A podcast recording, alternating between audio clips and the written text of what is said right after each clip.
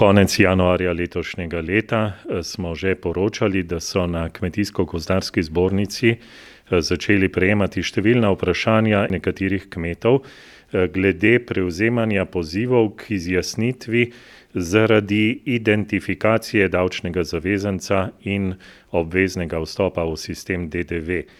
Naš gost je zdaj magistr Martin Nose, vodja službe za ekonomiko kmetijstva in obdavčitve na Kmetijsko-gozdarski zbornici Slovenije. Eh, gospod Martin, najprej lepo pozdravljeni. Ja, dober dan, pozdravljeni. Eh, poglejte, zakaj pravzaprav je šlo, zakaj so nekatere kmetije letos prvič prejele ta poziv? Ja, davčni zavezanec, ki dobavlja blago in storitve v okviru osnovne kmetijske in osnovne gozdarske dejavnosti, kot je to v skladu z zakonom o dohodnini, je oproščen obračunavanja DDV-ja, če katastrski dohodek vseh članov gospodinstva za zadnje koledarsko leto ne presega 7500 evrov. In v tem primeru se davčnemu zavezancu iz naslova te dejavnosti ni treba identificirati za namene DDV, govorimo o malem davčnem zavezancu, lahko pa se seveda izjemoma, če želi, vstopi za prostovoljni vstop sistem DDV-ja in v tem primeru mora ostati najmanj 60 mesecev v sistemu. Torej, kot katastrski dohodek za potrebe sistema DDV pa se štejejo vsi dohodki v zvezi z osnovno kmetijsko in gozdarsko dejavnostjo, kot jih določa zakon o dohodnini. To pomeni, da se torej poleg KD-ja upoštevajo tudi, to se pravi, to so katastrski dohodek je ocena potencialnega tržnega dohodka od pridelave na zemljiščih in pa tu so še od pridelave v panjih, plus dodaja se še dohodki, ki so plačila iz naslova ukrepov kmetijske politike in druga plačila iz naslova državnih pomoči, ki so vezana na to upravljanje dejavnosti.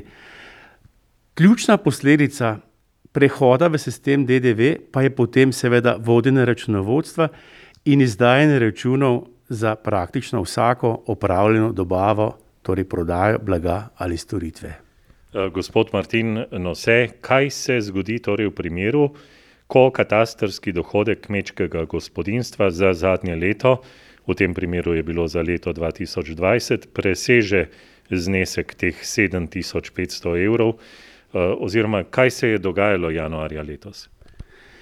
Ja, torej, ko katastrski dohodek kmečkega gospodinstva za zadnje leto preseže ta, to mejo, stopni prak 7500 evrov, tedaj davčni organ po uradni dolžnosti določi davčnega zavezanca za DDV in kmetiji izda, oziroma nosilcu izda identifikacijsko številko in sicer konkretno osebi, ki ima med člani gospodinstva najvišji katastrski dohodek.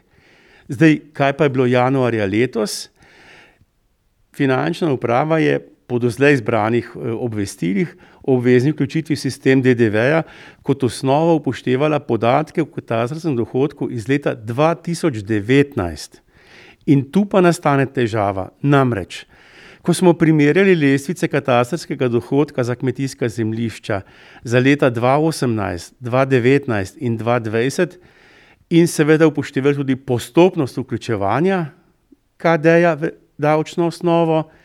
Leta 2018 je bilo iz lestvice upoštevanih 55%, leta 2019 pa 75%, leta 2020 pa imamo novo lestvico, ki pa je zaradi epidemije COVID določena le v višini polovice katastrskega dohodka.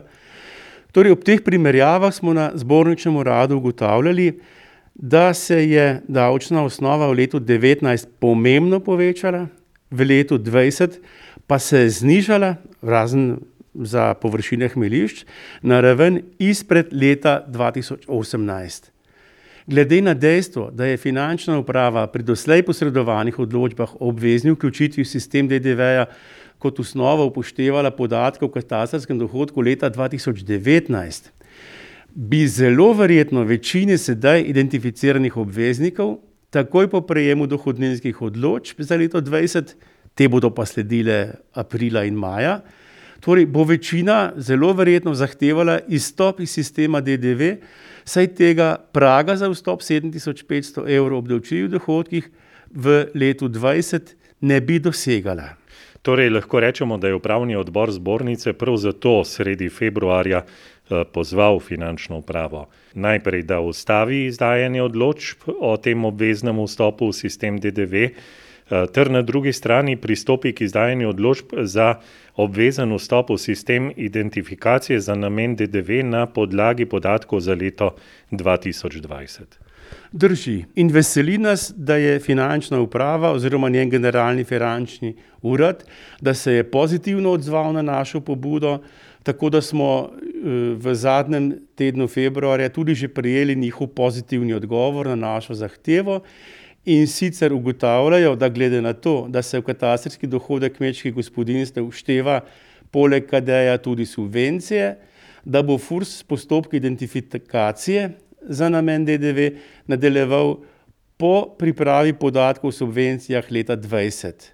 Pri davčnih zavezancih, ki so v letu dvajset prejeli visoke subvencije, na podlagi katerih se pričakuje, da katastrski dohodek za leto dvajset ne bo padel pod sedem tisoč petsto evrov, torej samo v tistih primerih bodo s postopkom identifikacije nadaljevali.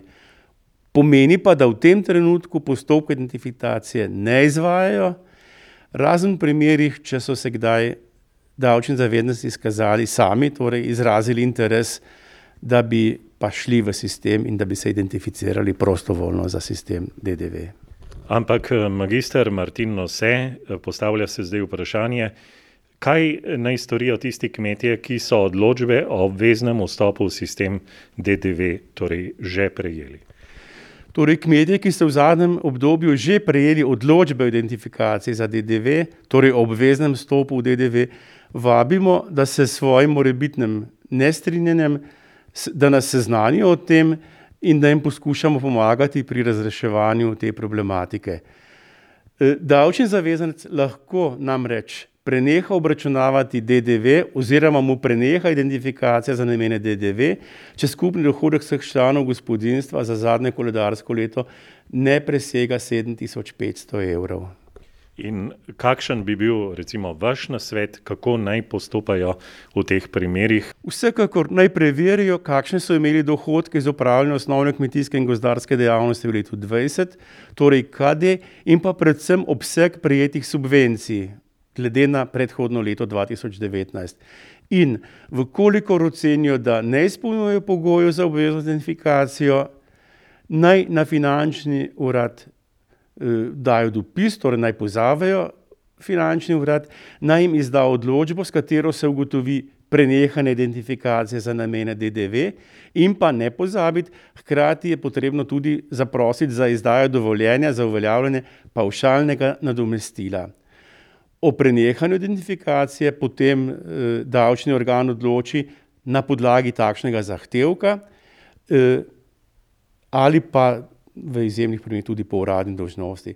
Skratka, identifikacija za DDV preneha šele z dnem, ki ga davčni organ določi v odločbi o prenehanju identifikacije, in pa kot že rečeno, ne pozabite istočasno še zahtevati, da vam FURS izda tudi dovoljenje za uveljavljanje pavšalnega nadomestila, kot ste ga imeli doslej. Tako da bo to dovoljenje pravzaprav še naprej veljavno, kaj ne? Da bo ponovno stopilo v veljavo, ja. Magister Martin Nose, hvala lepa za pogled na to področje ter razjasnitev pravzaprav, kaj se je dogajalo in kako postopati. Lep dan vam želim.